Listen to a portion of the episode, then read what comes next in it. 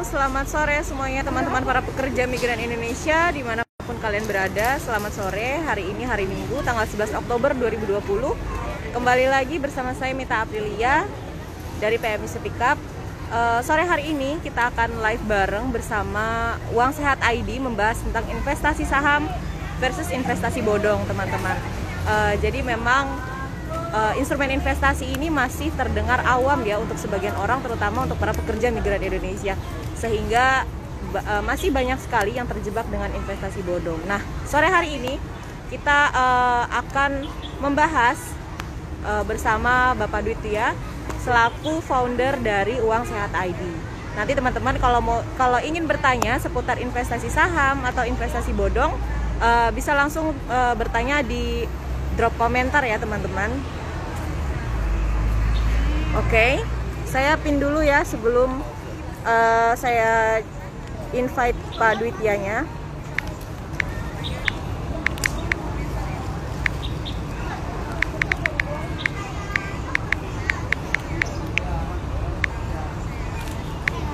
Oke, okay. oke okay, selamat sore teman-teman semuanya yang sudah bergabung. Terima kasih. Oke, okay. uh, eh, mohon maaf apabila ada suara-suara ya karena saya juga lagi di luar. Teman-teman bisa terdengar jelas nggak suara saya? Oke, kita akan langsung. Oke, kita masih menunggu sebentar ya, menunggu uh, Pak Dwitianya join. Halo, selamat sore.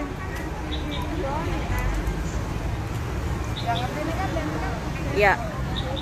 Ini suasananya beda karena saya nggak di dalam rumah. Saya lagi di luar, tapi cahayanya mungkin agak redup-redup sedikit. Tidak apa-apa ya teman-teman.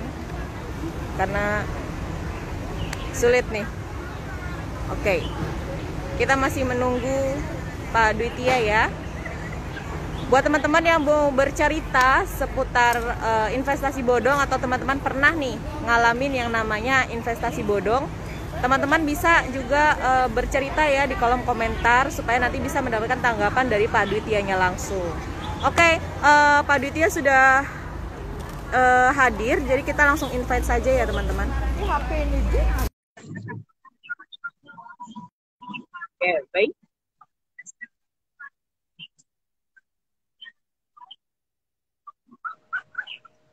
Ya. Halo. Oke. Okay. Halo, selamat sore Pak Dwitya. Sore, sore Mbak Meta. Jelas ya suara saya? Suara Bapak jelas, suara saya jelas Pak. Oke, jelas jelas. Oke, oh lagi di luar ya? Oke, ya. Ini mohon maaf ya Pak, saya pakai masker karena Santai saya lagi aja. di luar rumah. Oh ya, sudah mulai ini ya. Kalau taman-taman udah banyak yang olahraga kan, udah mulai udah mulai rame ya di luar ya. Iya. Bapak Pak Dwitya bisa melihat ya. Oke, okay, uh, eh, Pak Ditya sebelum kita ngobrol nih ya, uh, saya okay. ingin mengucapkan terima kasih atas ya. waktu uh, yang sudah mau menjadi narasumber di PMI Speak Up, Pak Ditya. Ya, nah, Pak ya, saya loh yang kasih. Iya, silakan Pak Ditya memperkenalkan apa sih Tuang Sehat ID Pak Ditya kepada audiens sore hari ini. Silakan Pak. Ya, ya. Oke, selamat sore rekan-rekan uh, PMI ya di mana pun berada. Mungkin ada yang sekarang sore, ada yang pagi, siang, sore gitu ya, malam bahkan uh, nanti uh, kapan entah kapan di uh, simaknya nanti kan di save juga katanya IGTV-nya. Nah, uh, saya dari Uang Sehat ID ini pada dasarnya adalah untuk platform edukasi keuangan dari yang paling dasar hingga uh, advance. Nah, uh, di sini uh, kita uh, tawarkan untuk teman-teman PMI bahwa uh, kemarin ada isu ada tentang investasi bodong ya. Nanti saya jadi saya uh, jadi saya tawarkan untuk uh, ngambil topik ini. Sebenarnya topiknya kan sudah cukup lama uh, terkait ini. Bahkan dulu dulu kala juga sudah ada. Tapi mekanismenya ini sangat cepat perubahannya dan kadang-kadang kita juga bingung apakah ini uh, beneran atau bodong. Nah itu yang kadang-kadang uh, sulit dibedakan. Nah di sini mungkin uh, kita salah satunya uh, mulai sama-sama untuk coba berpikir kritis bahkan untuk terutama untuk mendorong literasi keuangan yang lebih baik ya dari uh, ya. dari dari setiap masyarakat di Indonesia gitu. Oke. Kalau boleh tahu nih Pak, uh, ya. Uang Sehat ID uh, sejak kapan nih Pak didirikan? uh, uang sehat ID sudah dari 2016, tapi kita baru mulai aktivasi lagi untuk uh, sesi-sesi seperti ini, sesi ngobrol online dan juga sesi di Spotify, YouTube itu kita baru di 2020. Jadi sempat ada uh, sempat ada gap di sana 2016 2018 sampai 2018 itu sempat uh, on off dari kemudian kita activate lagi di 2020. Jadi semoga aja ini uh, aktif sekarang dan terus menerus bisa uh, apa istilahnya mengedukasi secara uh, continue ya untuk rekan-rekan uh, semua. Amin. Oke. Okay.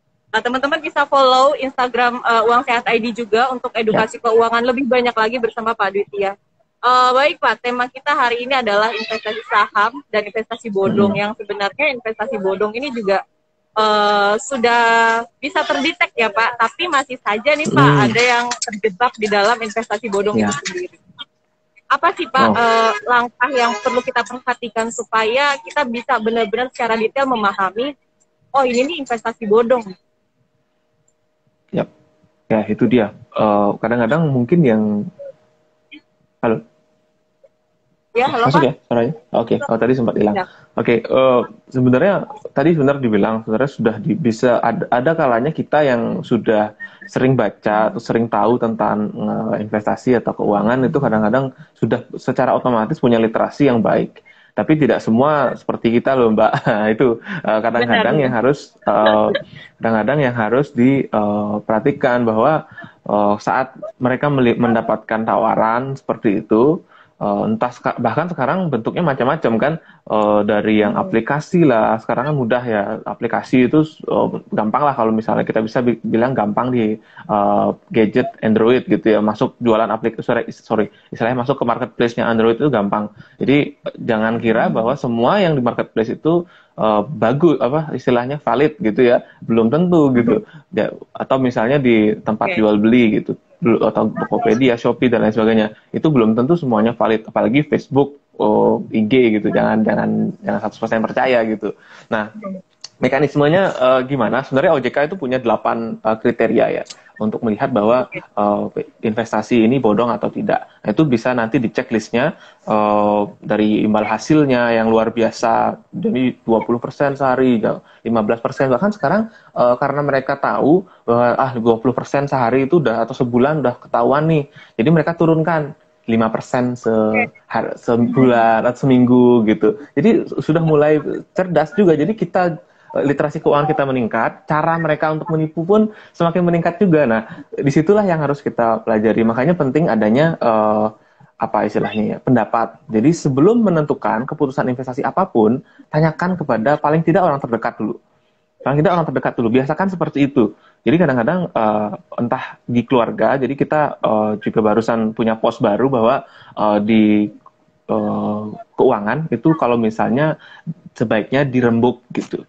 Jadi entah dengan siapa, orang terdekat, ataupun misalnya kalau suami istri, atau misalnya bahkan dengan anak, ataupun dengan orang tua, ataupun kalau misalnya punya perencana keuangan atau orang yang dipercaya secara pribadi itu bisa ditanyakan langsung. Nah itu itulah mekanisme yang uh, yang harus dilakukan, dibiasakan seperti itu. Kadang-kadang kita kalau ngomongin menyangkut uang, bahkan mungkin uh, dengan pasangan sendiri itu masih agak-agak apa ya istilah kalau bahasa Jawa mungkin pakewuh atau apa atau nggak enakan nah itu itu sebaiknya dihilangkan jadi kita mulai coba untuk uh, biasakan nih tanya uh, pendapat uh, kedua. Misalnya anggap aja uh, analogikan gini, uh, kita sakit gitu ya. Kita di dokter A bilang sakit uh, difonis misalnya sakit apa gitu ya. Kadang-kadang kan kita pengen lihat ke dokter lain. Nah itu kadang-kadang kita perlu seperti itu, mekanisme seperti itu. Yang istilahnya dari behavior kita harus dibiasakan seperti itu. Terutama yang uh, meragukan banget Nah, jangankan investasi bodong, investasi beneran aja, investasi saham gitu ya. Tetap keputusannya itu harus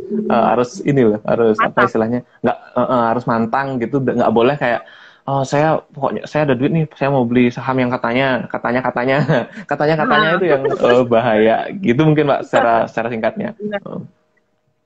Ini siapa yang masih menjadi tradisi nih orang Indonesia ya hmm. yang Mm-hmm. Uh, mudah sekali untuk lulu dengan katanya katanya seperti itu. Mm-hmm, benar. Nah, benar banget. kemudian nih Pak, antara investasi saham dan investasi bodong ini kan sebenarnya kita sudah mudah untuk membedakan ya Pak. Tapi kenapa sih yeah. Pak daya tarik itu lebih memikat investasi yang bodong nih dibandingkan investasi saham atau investasi yang memang sudah diakui oleh negara?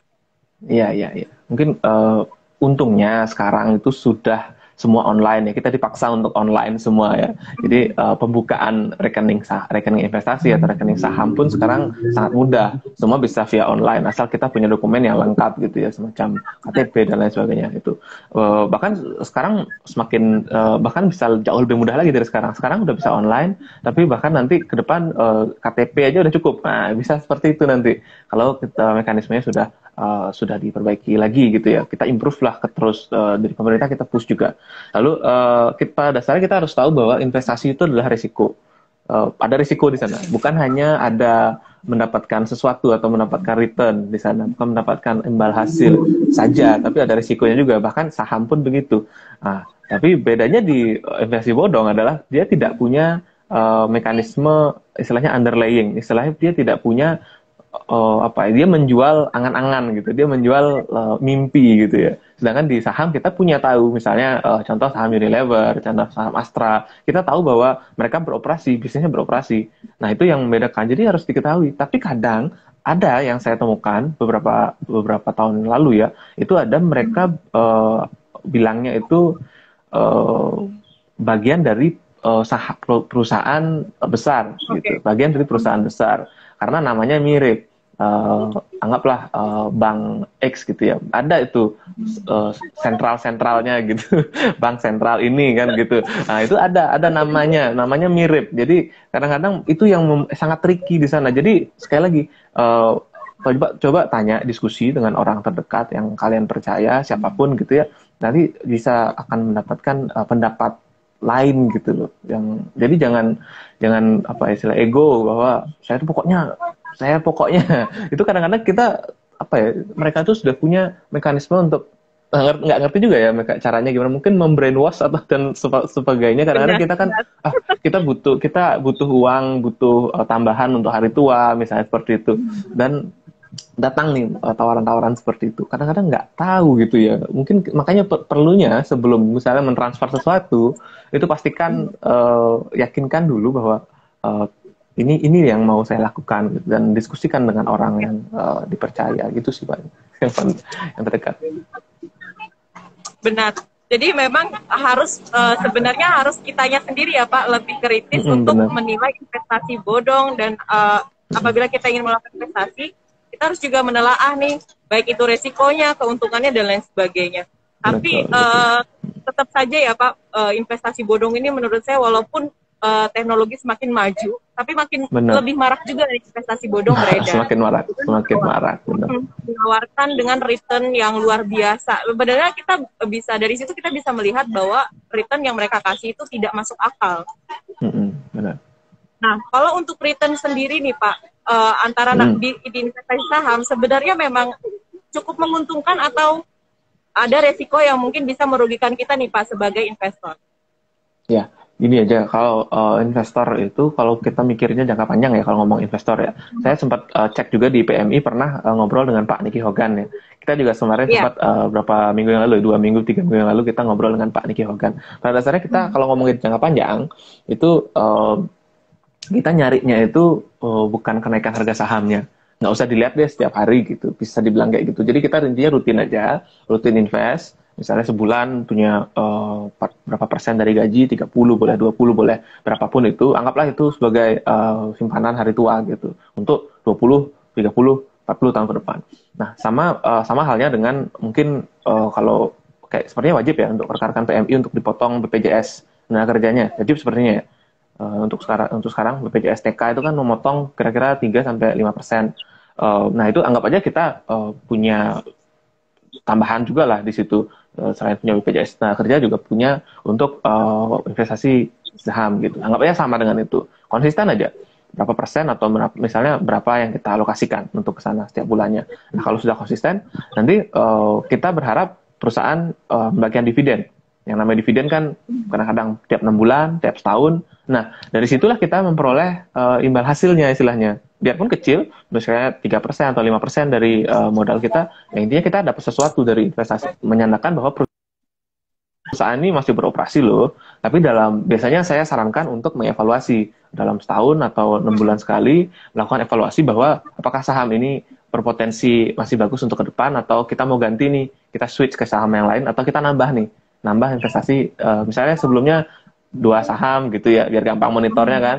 Nanti nambah lagi tiga saham di uh, tahun iya. berikutnya. Nah jadi bertahap aja. Intinya carilah perusahaan yang terbaik di uh, industrinya. Cari perusahaan yang familiar gitu ya. Itu yang paling mudah untuk di awal. Lalu nanti secara uh, secara pengetahuan secara knowledge setelah join di saham itu harusnya uh, istilah baca-baca banyak kan. Nanti akan uh, atau ikut-ikut yang seperti ini webinar dan lain sebagainya live IG ini akan akan semakin meningkat lagi kemampuannya dan nanti bisa pilih-pilih uh, saham yang kira-kira growth istilahnya growth stock atau yang berkembang itu juga bisa lebih cepat lagi. Bisa mungkin uh, 20% setahun 30% setahun. Bahkan di era covid kayak gini ada juga beberapa saham yang naik 20% setahun kayak seperti Kalbe Pharma kemarin kan sempat 25% sehari sorry. Sehari ya, 25% persen bahkan bisa seperti itu Luar biasa nah, itu kan itu kan itu kan kalau sudah kalau sudah ini kalau sudah oke okay gitu oh, namanya mindsetnya juga bagus kan uh, dan jangka panjang ya tentunya ya kita lihatnya jangka hmm. panjang. Nah itu kan juga pasti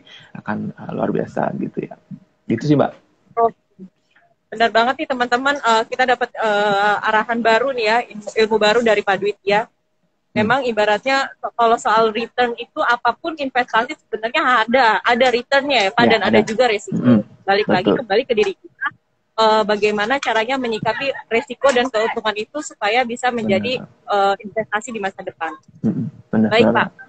Ini uh, saya juga mau cerita seputar uh, deposito sih ya Pak. Ini memang keluhan ah, dari hmm. dari uh, orang-orang yang sudah cerita sama saya ya Pak Dut ya. Hmm. Jadi yeah. kalau menurut Bapak sistem kooperasi nih Pak yang mungkin Aduh. marak juga di desa saya uh, itu kooperasi kita sistem deposito.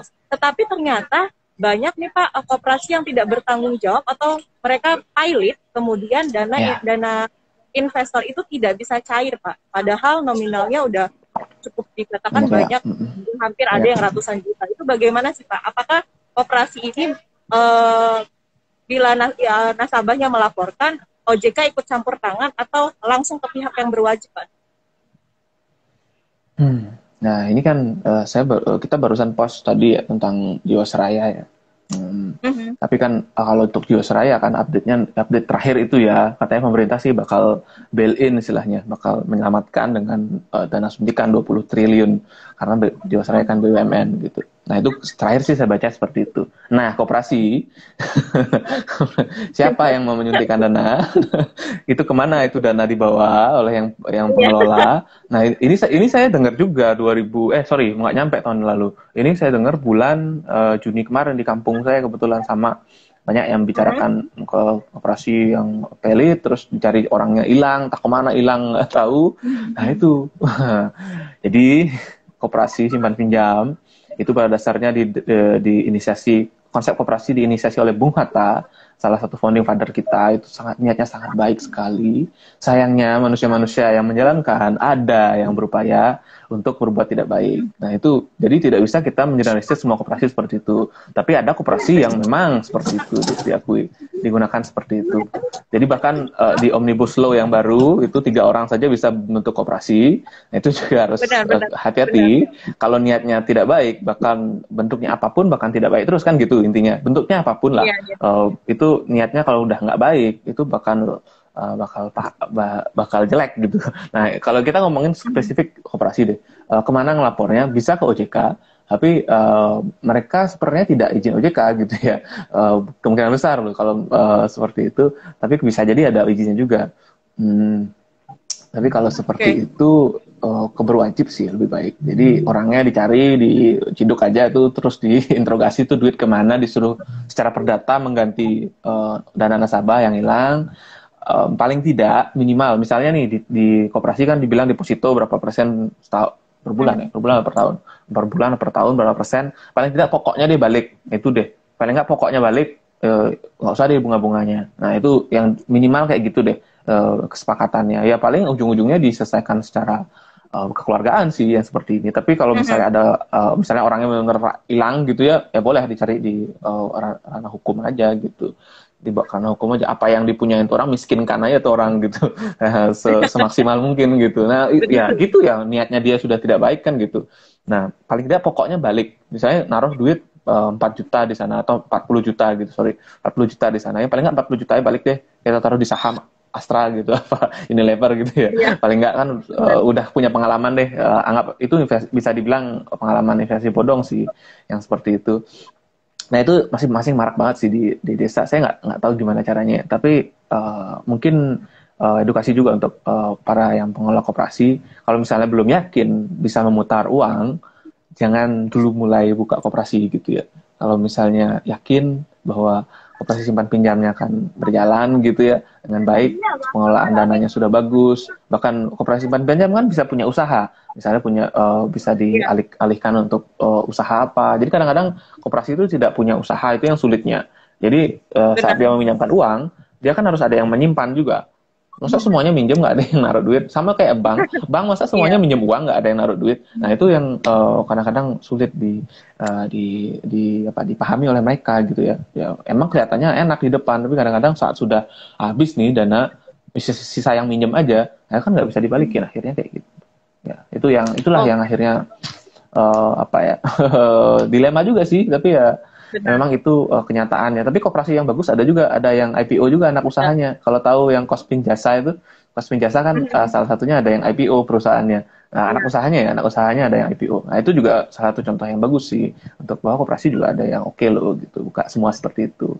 Tapi kadang-kadang, uh, sorry itu sih ya, kadang-kadang saudara gitu di koperasi ini, kadang-kadang kita yeah. percaya, kita taruh uang nah, di sana, ya itu uh, gimana ya, gimana wo gitu ya, kan nggak enakan gitu. Uh. Ya itu yang itu yang bahaya sih kadang-kadang. Makanya hmm, jangan percaya siapa pun ya istilahnya. Tapi bukan jangan percaya siapa pun, jangan percaya siapa pun yang punya niat buruk gitu. Carilah orang-orang hmm. yang uh, independen gitu. Bahkan profesi kami di perencanaan keuangan itu juga ada yang seperti itu. Mungkin pernah dengar kasus kemarin ya, itu perencanaan keuangan yang itulah gitu, yang followernya banyak ya, banget gitu. Nah, itu uh benar, gila benar. itu. Maksudnya itu juga sayang banget. Buat shock benar sih, Pak. iya, shock banget kan. Saya saya pun sendiri termasuk yang pernah kontak dengan beliau dan beliau orangnya mindsetnya bagus gitu tapi ya hmm, kesandung di sana ya ya sudahlah gitu tapi ya memang ada ada seperti itu intinya intinya misalnya saya bisa kasih tahu apa misalnya secara perencanaan keuangan tapi hanya sebatas perencana misalnya sebatas uh, apa istilahnya merekomendasikan oh ini tuh uh, bukan bodong loh oh ini tuh bodong misalnya seperti itu. Jadi merekomendasikan bahkan merekomendasikan saham pun saya sangat uh, terbatas gitu. Mungkin saham-saham ya kalau misalnya makanya uh, saya punya program yang namanya uh, sorry kami punya program di uang sehat ID itu namanya uh, investasi sesuai uh, karaktermu. Jadi uh, anda akan dibuat nyaman dengan investasi itu bukan apa istilah was-was gitu ya. Jadi dengan investasi saham, dengan reksadana yang sesuai. Jadi um, misalnya yang punya preferensi bahwa saya um, percaya dengan saham-saham atau produk syariah, jadi saya akan arahkan untuk produk-produk ini loh yang kira-kira uh, cocok untuk kamu. Jadi bahkan reksadana pun saya nggak nggak uh, berani rekomendasi macam-macam. Mungkin yang aman itu adalah bisa dibilang aman ya, bisa dibilang aman adalah reksadana ETF sekarang. Mungkin belum banyak yang diskusi, tapi kalau yang ETF itu uh, relatif aman dibandingkan banyak manajer investasi sekarang yang beredar, tapi kadang-kadang sulit untuk menentukan kita milih yang mana bingung sendiri gitu. Nah, tapi iya, bagusnya iya, sih, uh, bagusnya sih menjadi manajer investasi sendiri. Jadi uh, kita yang menentukan mau beli saham apa, kita mau taruh di emas sebagian, kita mau taruh di obligasi sebagian. Nah itu enak, mending saya tuh mengedukasi untuk itu sih. Jadi manajer investasi keluarga sendiri. Uh, jadi ada diskusi di sana, jadi ada keputusan bersama keluarga. Itu yang semoga bisa menjadi uh, solusi untuk menghindari hal-hal yang kayak gini loh yang bodong lah yang yeah. investasi oh, suaminya tahu istrinya nggak tahu itu sering tuh saya dengar uh, yang kayak gitu-gitu. Ya itu, itu sih dulu itu mungkin lah jadi memang kalau uh, koperasi itu memang sebenarnya lebih rawan juga cuman memang ada beberapa hmm, koperasi benar. yang bertanggung jawab. Karena ya, memang koperasi itu kan jadi perorangan ya pak bukan hmm, seperti ya. kayak perusahaan yang bisa uh, investor bisa masuk. Karena mereka mengandalkan menurut saya mengandalkan orang yang uh, nanam modal nih di kita. Hmm, atau uh, dengan deposito yang cukup jangka panjang. Menurut saya karena mungkin problemanya adalah uang itu yang diputar. Jadi kemudian dengan manajemen keuangan yang kurang baik akhirnya hmm. investor itulah yang menjadi korban. Ya Ini juga, keuangan yang kurang uh, baik dan greedy-nya itu kadang-kadang yang ngelola yang megang duit koperasi itu kadang-kadang ya masuk kantong atau sebagian ah nggak ngerti deh saya godaan sih Pak dia ya kan bukan uang banyak iya, bener. ini kayak dilema juga ya nah, iya duit orang padahal duit orang padahal iya nah Pak Dwitya selama hmm. uh, oke okay, kita bicara tentang Jiwasraya tadi ya Pak yang sempat ada yang bertanya ya, boleh, tentang boleh. Uh, Jiwasraya hmm. lagi itu sebenarnya seperti apa sih Pak polemiknya karena kebetulan berita yang saya baca pemerintah Indonesia juga menyuntikkan dana lagi nih yang yang untuk hmm. Jiwasraya Jiwasraya sedangkan yang kita hmm. tahu memang nominalnya juga sedikit banget Pak gimana hmm. nih Pak uh, prospek untuk uh, investasi di Jiwasraya menurut Pak Dwitya? Hmm masih masih bisa ya sekarang masuk di Jiwasraya ya. Sebenarnya masih udah masih di off dulu. Jadi uh, sejauh yang saya tahu ya, ini sejauh yang saya tahu sih update terakhir itu gitu. Jadi uh, bailout berikutnya itu sekitar 20-an triliun karena uh, meskipun itu banyak pro kontra juga karena sekarang kan sedang Covid, kenapa fokus ke sana, tapi padahal uh, di sana itu uh, 90% pemegangnya adalah pensiunan. Nah, itu yang uh, apa istilahnya yang sangat disayangkan gitu ya. Kenapa uang pensiunan dipakainya untuk investasi berisiko, istilahnya quote and quote investasi berisiko. Bisa, ya memang beli saham. Memang dia beli saham, tapi kong kali kong dengan adalah or, si orang itulah yang ada sahamnya masih ada tuh di bursa tapi nggak bisa dibeli. Uh, uh, si BTC, BTJ itu namanya. nah, jadi uh, nanti nanti bisa dicari deh itu. Jadi kong kali kong lah istilahnya Jiwasraya itu. Dan memang itu sudah terjadi lama dan kenapa baru sekarang ketahuan? Nah, itu nggak tahu apakah dulu ditutup-tutupi atau uh, atau dikasih kesempatan. Jadi kan kalau perusahaan kan dicoba dulu secara perdata nih. Dicoba dulu secara perdata. Kalau misalnya uangnya berhasil terkumpul kan nggak perlu blow up seperti ini gitu. Jadi biarkanlah menjadi masalahnya perusahaan kan gitu. Apalagi Jiwasraya kan bukan publik. Jadi dia nggak punya kewajiban untuk publish laporan keuangan. Nah itu yang bahaya juga. Makanya sekarang di era Erick Thohir ini, beliau juga pengen semua kalau bisa tuh TBK semua supaya atau paling tidak kalau tidak TBK tetap nerbitin laporan keuangan rutin gitu. Jadi benar, masyarakat benar. bisa lihat nih bahkan uh, bah, soalnya kan duit duit rakyat juga, duit duit masyarakat juga. Nah, uh, itu yang harus di, uh, dilihat bahwa kurang transparansi intinya ya kurang transparan dan juga uh, kenapa uh, naruh investasi di investasi yang berisiko padahal dia tahu untuk dana pensiun gitu. 90% loh. Itu oh, sayang banget. Nah nah yang masalah adalah saya nggak nggak tahu update-nya ya. Apakah itu termasuk uh, return-nya atau uh, return-nya kayaknya kemarin diturunin deh. Returnnya yang dulu 12% jadi 5% apa 6% jadi diturunin jadi nggak terlalu tinggi. Dulu awalnya kan sekitar 30 7T gitu. Nah sekarang diturunin nih, jadi nggak sebesar, nggak sebesar itu. Karena ada dua ada dua ada dua investor juga di Jiwasraya. Satu yang memang benar-benar nggak tahu apa-apa, yang benar-benar uh, kecele gitu. Sudah ada yang ditelepon kan by phone yang uh, ada dari uh, dari orang Korea itu yang invest di Jiwasraya juga dari orang Korea yang tinggal kerja di Indonesia tuh yang yang ada yang kasus seperti itu kan. Nah ada ya, mereka dia nggak tahu dia cuma by phone aja. Ya udah boleh deh saya invest di kan katanya punya pemerintah. Mereka mikirnya aman. Nah, ada yang seperti itu, tapi ada juga yang tahu dan dia istilahnya greedy gitu ya. Karena oh gede nih 12%. Nah, gitu. Jadi boleh deh saya di sini. Tapi sebenarnya uh, kalau uh, konsepnya itu adalah dana pensiun, kan ada dana pensiun ya. Dana pensiun sebagai konsepnya ini, konsepnya si reksadana ini untuk dana pensiun.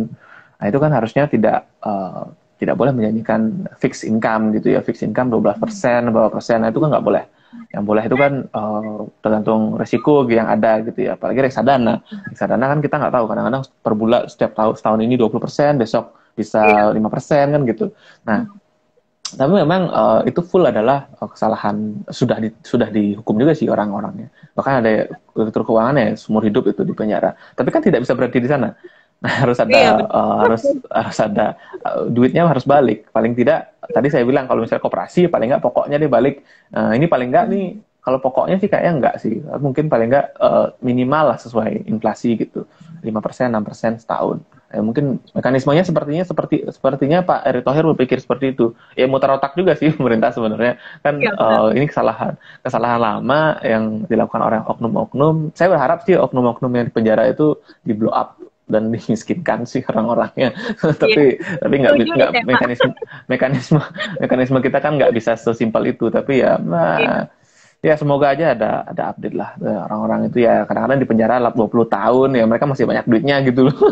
Masih foto-foto sama mobil foto-foto sama mobil Porsche gitu. Itu kan kemarin saya lihat postingannya salah satunya. Oh, oh ya jadi ya kayak kayak gitu lah gitu. Ini eh, jadi perhatian publik juga sih sebenarnya ya kan yeah, karena uh, yeah. yang kita tahu Jiwasraya itu kan uh, badan usaha milik negara ya Pak yang seharusnya hmm, memang yeah. lebih terbuka lah kepada publik uh, tentang return ataupun tentang uh, pembukuan keuangan seperti itu. Memang harus menjadi apa ya kita juga sebenarnya harus turut andil dengan uh, BUMN yang memang sahamnya kita milikin atau apa asuransi yang kita gunakan seperti itu. Ya betul. Uh, Oke okay, Pak, ini ada tanggapan dari Acel Jo. Investasi, mm -hmm. investasi saham kondisi begini bagus. Mana menurut Pak Dwityen? Sering sekali ada pertanyaan seperti ini. Sebenarnya uh, ini adalah ada banyak yang bilang uh, kondisi krisis kita bilang bisa bilang krisis ya karena kemarin sempat uh, turun agak dalam ya meskipun sekarang sudah mulai naik. Uh, sebenarnya kalau empat di Asel Asel Jo ya sebenarnya kemarin uh, paling bagus itu kemarin yang empat ribuan tuh bulan apa ya bulan apa April ya kalau salah April tuh paling bagus tuh. Uh, kalau bisa beli di sana tuh oke. Okay. tapi kalau misalnya ada duitnya sekarang ya dimulai sekarang aja. Uh, tapi belinya saham-saham yang uh, apa istilahnya apa ya hmm, yang bisa survive yang survive lah dalam kondisi covid. Ada berapa indikator salah satunya ya kita bisa lihat laporan keuangan terakhir penurunannya berapa persen sih? Turun semua pasti turun sih. Uh, ada berapa saham tuh yang cuma turun lima persen uh, net profitnya. Nah, itu kan mm, masih oke okay lah kalau untuk kondisi kayak gini. Tapi kalau udah yang turunnya gede itu profitnya mungkin nanti dulu deh gitu. Nanti soalnya uh, perusahaan itu kan uh, kita percaya bahwa tergantung dari kondisi fundamental perusahaannya. Kalau kalau kondisi fundamentalnya bagus, perusahaannya akan bagus. Kalau kondisi fundamentalnya kurang bagus, maka uh, dia akan turun sahamnya. Jadi uh, intinya kita coba cari saham yang tidak secara fundamental, secara bisnis gitu bilanglah uh, tidak terlalu terpengaruh terhadap uh, pandemi. Itu listnya ada sih, saya sempat post juga beberapa. Dan juga ada ada cara juga beberapa beberapa cara yang bisa digunakan uh, untuk melihat itu. Yang kalau misalnya belum buta sama sekali tentang investasi ya pilihlah investasi yang familiar, saham familiar gitu ya. Itu yang paling paling mudah sih itu. Oke, okay. jadi memang harus dilihat uh, naiknya di angka berapa, turunnya di angka berapa. Itu juga uh, menjadi PR buat calon investor hmm. ataupun para investor. Gitu. Yap, belajar okay, belajar terus. Ini kemudian ada dari b.healthy DI. Uh, hmm. Selamat sore, izin tanya Pak, kalau ditanya jangka waktu bagaimana menentukan investasi hmm. jangka jangka pendek dan jangka panjang, apakah hmm. ada perhitungan khusus? Terima kasih. Hmm, Monggo Pak. Jangka pendek, jangka panjang ya. jangka pendek itu berapa dulu? Misalnya kadang-kadang harian kan bisa. Soalnya kita kalau di saham juga kan bisa harian. Daily trade, day trade juga bisa. Kalau misalnya memang full time di rumah aja gitu ya. Uh, kalau misalnya uh, bisa juga harian itu jangka pendeknya sih gitu. Kalau jangka panjang ya tentu kita uh, tanya uh, diri kita sendiri bahwa tujuan keuangan kita apa. Misalnya uh, jangka panjangnya mau sekolah anak, mungkin kalau untuk hari tua bisa jadi kan gitu Nah itu uh, jangka panjangnya. Kalau jangka panjang ya jelas kita harus uh, investasi yang eh, pasti-pasti uh, gitu ya, yang uh, untuk saham terutama uh, carilah saham-saham yang uh, bisa dibilang apa ya istilahnya. Saya tidak bilang uh, blue chip pasti naik gitu ya, tapi nggak nggak paling tidak blue chip punya aset yang besar dan dia bisa uh, relatif lebih tahan terhadap kondisi-kondisi krisis seperti ini. Nah itu relatif relatif seperti itu. Nah tapi um, tapi banyak yang salah sangka bahwa saham blue chip adalah saham LQ45 kalau yang udah mulai belajar saham ya. LQ45 belum tentu belum semua. Belum nggak semua LQ45 itu blue chip.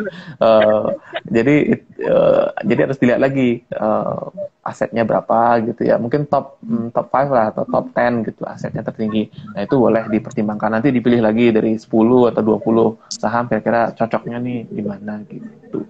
Yang satu lagi yang paham ya yang bisnisnya paham gitu yang yang sudah dimiliki sudah dipakai itu akan sangat nyaman lebih nyaman dibandingkan yang tidak tahu menau gitu ya.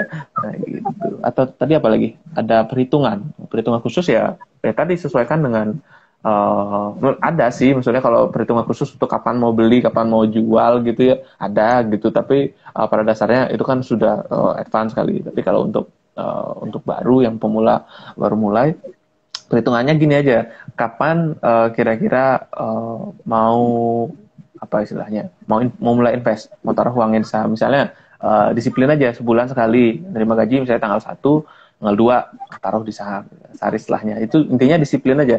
Disiplin jadi perhitungannya gitu. Jadi disiplin berapa nominalnya berapapun harga sahamnya udah ambil aja gitu. Kalau untuk uh, intinya disiplin sih. Asal tadi sekali lagi pemilihan stock picknya yang di awal yang harus uh, apa istilahnya mantap gitu ya. Benar banget.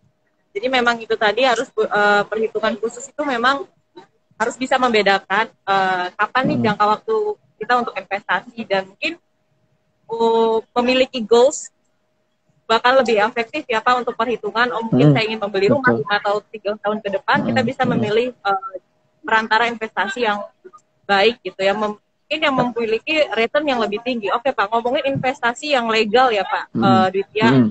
sebenarnya investasi di mana sih Pak yang bisa memberikan return yang lebih banyak ataukah hanya saham saja nih yang mungkin uh, memberikan return yeah. di luar dari kenaikan harga itu sendiri instrumen investasi ya itu sekarang uh, relatif banyak banget ya bahkan yang baru-baru itu banyak saya saya mengamati sih ada beberapa uh, yang menarik juga uh, tapi saya nggak bisa nggak bisa bilang uh, pasti naik gitu ya atau pasti cuan gitu uh, ya. yang sejauh ini yang saya pahami sih uh, masih saham yang paling paling saya jujur saya pahami 100% karena sudah dari 2010 saya coba uh, untuk kulik-kulik. Jadi yang paling saya pahami, situlah saya fokuskan. Tapi yang saya bukan menutup menutup mata untuk investasi baru, produk baru gitu istilahnya. Produk baru banyak banget, uh, termasuk peer-to-peer lending salah satunya. Peer-to-peer lending tuh banyak uh, dari macam-macam lah, dari dari yang syariah, ada dari yang dia punya uh, apa istilahnya punya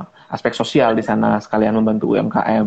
Jadi uh, tapi ya, kalau mau uh, kalau mau peer-to-peer lending, cari yang sudah punya insurance. Jadi ada beberapa peer-to-peer lending tidak punya asuransi. Jadi sama konsepnya seperti yang saya konsepkan di koperasi tadi, bahwa uh, saat dananya tidak bisa kembali, itu ada insurance dari si peer-to-peer lending tersebut bahwa uh, uangnya akan dikembalikan sejumlah berapa persen. Nah, itu ada ada yang 80 persen, ada yang 100 persen kalau yang saya tidak salah uh, ada beberapa peer-to-peer lending juga tidak punya itu. Jadi kalau misalnya mau tanya mau investasi di peer-to-peer lending ini A, B, C uh, itu boleh di DM aja atau di uh, di WA juga boleh ke kita itu boleh nanti uh, kita konsul. Uh, peer-to-peer lending lagi banyak yang menarik karena uh, ceritanya lumayan oke okay gitu ya. Ada yang sampai 18, ada yang sampai 16 uh, per tahun. Nah, itu kan lumayan. Jadi ada juga yang bilang oh, ini juga bantu UMKM bertuber lending. Iya ya, bagus juga sih ada ide konsep-konsep seperti itu. Ada juga sekarang yang ter, yang lebih baru lagi itu ada namanya equity crowdfunding. Nah, itu ada berapa tuh? Ada berapa uh, belum banyak sih baru tiga atau empat kalau nggak salah. Uh, equity crowdfunding itu istilahnya kita menjadi pemilik dari uh, apa istilahnya? Uh, dari usaha, dari usaha mirip seperti saham. Bahkan kita kalau join di sana itu punya RD, RDI juga rekening dana investor juga atau RDN ya rekening dana nasabah kita punya juga. Nah, itu juga menarik sebenarnya tapi saya tidak terlalu belum terlalu pelajari lebih jauh. Tapi uh, yang saya yakini bahwa uh, pot, ada potensi di sana untuk uh, istilahnya cuan ada potensi cuan tapi ada potensi rugi juga sama seperti saham. Uh, karena tapi modelnya itu menarik. Tapi secara bisnis kadang-kadang kan yang uh, lebih kecil bisnisnya, lebih berisiko.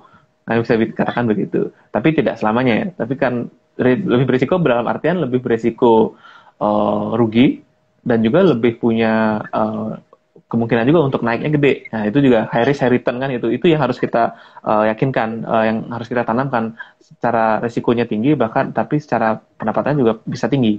Nah, itu uh, equity crowdfunding sih masih saya lihat seperti itu. High risk high return. Kalau berani masuk ke situ, oh, berarti harus berani ngambil risiko. Tapi pertama biasanya sih saya minta kalau udah klien gitu minta saya saya minta ngisi profil risiko ada kuesionernya. Kalau misalnya dia cocok dengan risk taker banget nih orang ya bolehlah coba peer to peer lending atau uh, apa namanya peer to peer lending yang tanpa ini ya ada grade grade-nya kan ada A B C D. Misalnya yang mau berani yang C sama D itu bisa 20% lebih ke setahun gitu. Uh, itu boleh itu kalau misalnya risk taker banget nih orangnya. Atau misalnya mau equity crowdfunding itu boleh juga. Tapi equity crowdfunding saya belum lihat ada insurance-nya sih. Sorry kalau misalnya uh, misalnya ternyata ada gitu ya tapi saya belum ada belum cek lebih lebih jauh tapi itu menarik sih, menarik. Ide bisnisnya menarik.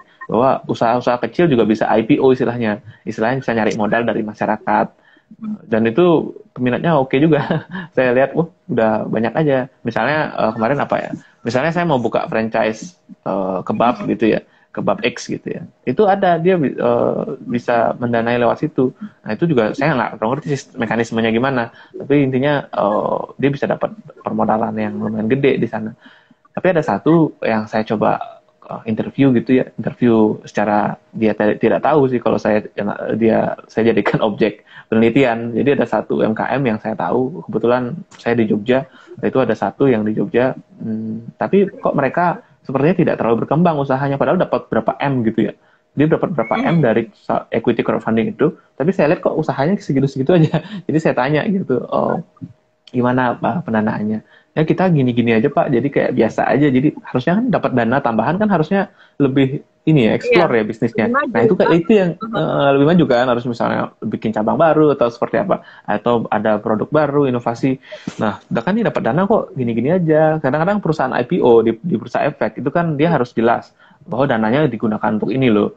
Jadi kadang-kadang saya lihat tuh kalau perusahaan IPO ternyata untuk bayar hutang itu bahaya juga IPO buat bayar utang. Bisa jadi sih perusahaan-perusahaan ini ya karena banyak yang saya lihat perusahaan kuliner yang banyak uh, di equity crowdfunding itu uh, menarik sih perusahaan kuliner bahkan kuliner yang udah legendaris gitu ya. Uh, jangan jangan kira dia nggak punya utang jangan bisa jadi itu buat bayar utang gitu loh uh, itu yang itu yang harus di uh, itu yang harus hati-hati di sana gitu harus kita lihat dia punya uh, punya apa ya istilahnya punya eager atau punya keinginan untuk inovasi keinginan untuk berkembang atau tidak nah itu itu itu itu juga itu juga masuk ke perusahaan di uh, eh, IDX gitu ya jadi kalau nggak uh, atau di bursa efek kalau nggak ada keinginan untuk berkembang perusahaannya ya udah kita jangan jangan lihat lah gitu benar-benar. Itu, Pak. Memang ada beberapa sih juga uh, melihat beberapa platform yang baru uh, investasi dengan cara crowdfunding gitu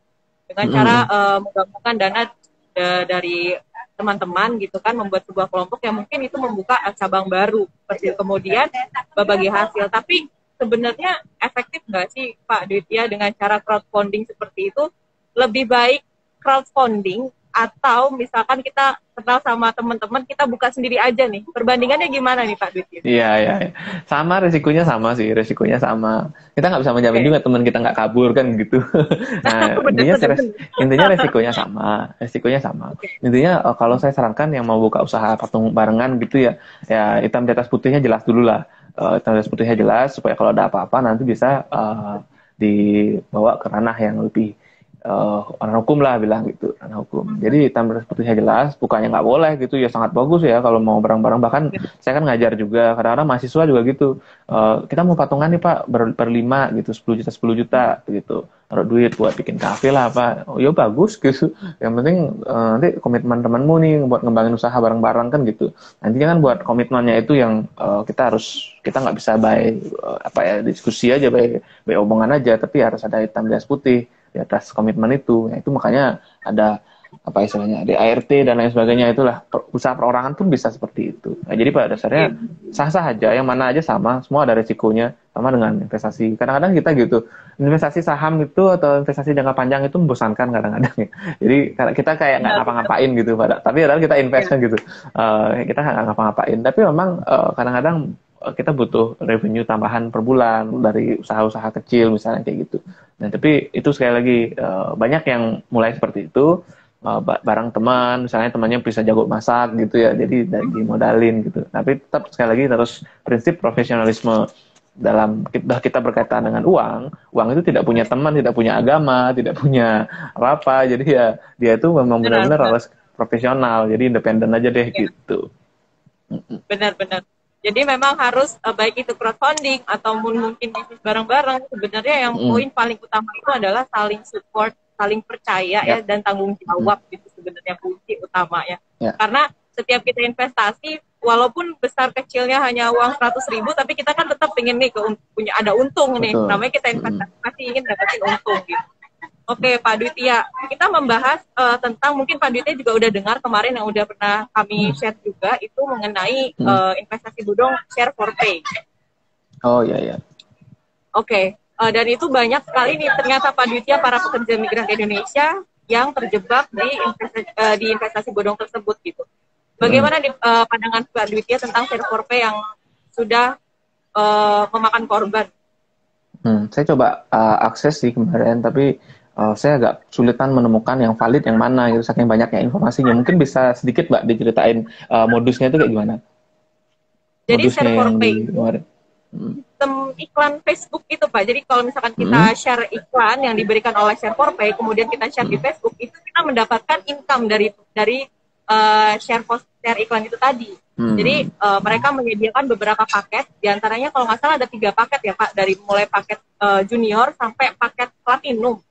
Jadi paket hmm. paling rendah itu mereka bandrol dengan harga 600 ribu dengan income hmm. sekali posting iklan itu sekitar 10.500. Jadi mungkin per bulan yeah, kurang lebih mendapatkan 250 ribu rupiah. Oh, yang nah, yeah, kemudian yeah. kelas yang nomor dua ini uh, sekitar satu juta dua ratus dan sampai hmm. di kelas yang platinum itu para calon membernya dimintai uang sebesar 6 juta, Pak. Dengan hmm. hanya dengan uh, membagikan iklan yang mereka berikan kepada membernya terus kemudian diposting nih Pak di Facebook. Dari situlah uh, katanya ya, para member hmm. mendapatkan penghasilan atau mendapatkan return dari Share Pay itu sendiri. Oh itu sebenarnya money game ya bisa dibilang ya. Itu okay. konsepnya money game sih. Money game itu salah satu juga dari list OJK ya. Ini saya pegang listnya sih. Uh, pertama imbal hasil di luar batas kewajaran tadi sudah ya penekanan utama pada perekrutan. Jadi ada rekrut member, rekrut member nggak? Nggak ya? Hmm. Kalau nggak, ya. berarti ada juga? Ada rekrut member juga ya? Ada, ada. Oh ada Jadi yang satu masuk. kayak ya, benar multi mm. apa multi level marketing seperti sistemnya. Mm, mm, mm. Ya ya itu juga mm, satu dua nih perekrutan member dan juga uh, besar ininya nominal investasinya 6 juta loh. 6 juta untuk satu kali itu itu udah mulai itu udah mulai mencurigakan banget tidak dijelaskan bagaimana ya. cara mengelola investasi. Jadi nggak jelas kan caranya gimana. Pokoknya kita share-share aja. Kita less effort gitu untuk mendapatkan. Kadang-kadang hmm. saya nggak percaya sih kalau misalnya kita less effort untuk mendapatkan uang banyak gitu ya. Kita effortnya sedikit tapi dapatnya uang uangnya banyak gitu. Itu kayak nggak masuk akal. Jelaskan uh, usahanya apa ya model bisnisnya dia nggak jelas. Iklan-iklan seperti itu. Uh, struktur perusahaannya mungkin PT bisa jadi tapi kadang-kadang nggak semua PT bagus sama kayak koperasi tadi Kemudian, nah ini kegiatan lebih mirip money game. Nah ini jadi uh, apa istilahnya? Jadi semakin kalau sudah tidak ada yang masukin uang itu akan macet gitu. Jadi saat ini perputaran uang aja dia kualitas barang tidak sebanding di bonus dibayar jika ada perekrutan. Nah, ini kayaknya yang seperti ini udah masuk hampir setengah dari uh, listnya OJK itu checklistnya ya. Uh, itu udah udah bisa dikatakan uh, bodong sih. Uh, meskipun dia tadi sekali lagi bawa-bawa nama Facebook ya. Kadang-kadang orang kan gitu. Jadi Facebook nih oh pasti oh, udah terpercaya gitu. Nah itu yang harus yeah. yang bahaya sih yang seperti itu. Uh, solusinya berarti kan sekarang sudah mulai macet ya? Sudah mulai macet ya? Awal-awal hmm. mungkin lancar yeah. gitu ya? Biasalah seperti yeah. itu. Biasa seperti itu. Oh lancar. Oh ini bagus nih. Terus di share ke teman-temannya ya. Akhirnya komunitasnya secara uh, secara secara menyeluruh kena lah gitu. Nah itulah yang yang diharapkan mereka saat sudah banyak yang nah. kena yang yang punya mulai mulai kabur hilang. Hilang. Sorry. Uh, aduh. Saya kalau ngomongin investasi bodong ini uh, modusnya itu uh, ini soalnya. Uh, macam-macam. Yang iklan ini kan dulu sempat juga ada artis juga yang yang kena kan yang cukup besar juga termasuk ya oleh yang bisa dibilang lah uh, iklan online uh, money game iklan online bisa dibilang. Nah, ini salah satu jenis yep. investasi bodong yang cukup mm, marak lima tahunan ini. Saya nggak tahu kenapa menarik, mungkin karena oh, semua pakai HP gitu ya, online gitu. Yep. Dan, hmm, dan rasanya uh, kita percaya gitu kalau sudah pakai aplikasi atau apalah itu saya bilang tadi makanya saya tekankan di depan udah udah mulai kita literasi penggunaan uh, gadgetnya bagus, bisa dibilang mungkin uh, teman-teman PMI kan 100% lah pakai gadget untuk uh, kontak-kontak saudara-saudara di rumah yeah. kan gitu. 100% lah pakai gadget. Itu bisa dibilang ya literasi penggunaan gadgetnya itu sudah bagus, sudah pakai gadget semua, mungkin sudah pakai internet banking semua bahkan ya. Uh, itu juga itu juga harus dibarengi dengan literasi keuangan atau literasi investasi yang baik juga. Nah, itu yang harus kadang-kadang dilupakan gitu. Ah, ini deh saya ngerti kok. Nah, kadang-kadang yang seperti itu. Yeah uh, pokok ini si, si yang ngajak si ini loh nah itu koncoku temanku nah itu oke okay. itu yang sulit Oke, okay.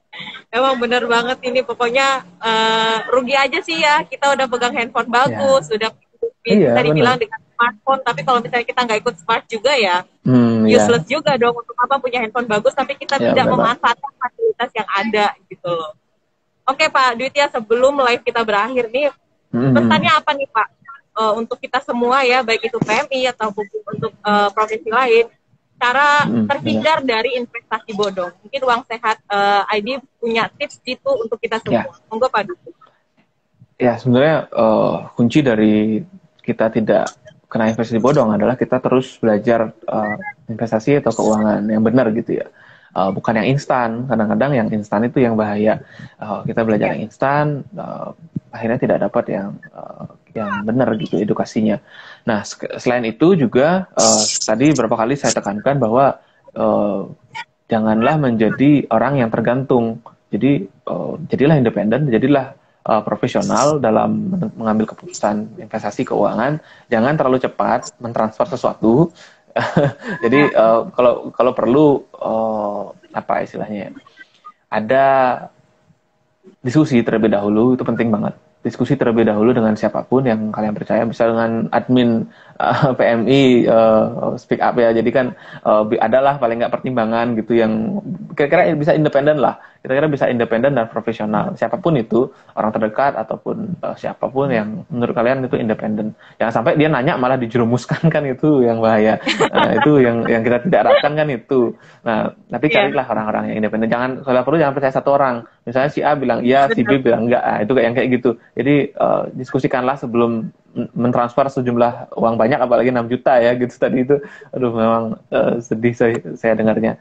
Uh, itu mungkin dan juga uh, apa ya bisa dibilang kalau menemukan yang mencurigakan seperti itu uh, bisa atau misalnya sudah kena itu bisa lapor ke OJK itu ada uh, ada hotline-nya itu ada nomornya. Setiap bulan tuh OJK punya list yang namanya uh, list uh, negatif investasi atau list blacklist lah istilahnya blacklist investasi bodong itu ada. Coba cek list listnya di sana. Kadang-kadang yang sudah masuk list itu itu udah udah di, di blacklist sudah ditutup. Mereka bikin lagi nih yang baru yang namanya mirip-mirip. Nah itu juga eh, kadang-kadang uh, sering. Kalau udah mirip-mirip namanya udah uh, di uh, blok aja kontaknya orang yang nawarin dan satu lagi ya. uh, terakhir mungkin investasilah di tempat yang uh, jelas yang pasti-pasti gitu ya hmm, pasti-pasti bisa dibilang uh, saham adalah salah satu yang pasti karena uh, sudah terregulasi dengan jelas dan ada berbagai jenis atau investasi atau perusahaan yang bagus di Bursa Efek Indonesia yang bisa dipilih, silakan dipilih dan secara berkala pastinya kita investasi berkala di tempat yang tepat itu akan hasilnya uh, bisa didapatkan berapa puluh tahun ke depan gitu. Oke, okay. gitu, Uh, itu dia teman-teman pesan dari Pak Dwitya dan mungkin teman-teman ingin bertanya secara detail nih seputar investasi, hmm. perencanaan keuangan, terus kemudian kira-kira tentang persahaman. Kebetulan Pak Dwitya juga uh, hmm. sudah berkompeten nih di bidang saham ya dari tahun 2010 ya Pak Dwitya ya? Ya, kurang lebih 2010, 10 tahun lah kurang lebih. Ya. Halo. Jadi teman-teman ya. bisa langsung DM uh, Uang Sehat ID. Jangan lupa follow Instagramnya Uang Sehat ID karena uh, kita harus butuh mentoring nih supaya tidak terjerumus ke dalam investasi bodong. Siap, siap. Oke, uh, terima kasih Pak Dwitya untuk waktunya sore siap, hari sama-sama, ini. Sama-sama, sama Uh, dengan berbaik hati sharing ilmu sama kita semua. Mudah-mudahan ilmunya bermanfaat dan bisa diterapkan sama teman-teman yang uh, nonton live kita hari ini dan gak ada lagi ya. nih yang menjadi korban. Ya, betul. Ya, amin, amin. Baik, terima kasih Pak Dwitya. Sampai ya, ke thank you, thank you banget teman-teman semua. Ya, selamat sore. Sampai ya, ketemu teman-teman di Ya, Mbak Bella. Assalamualaikum dan selamat sore. Waalaikumsalam. Oke. Okay.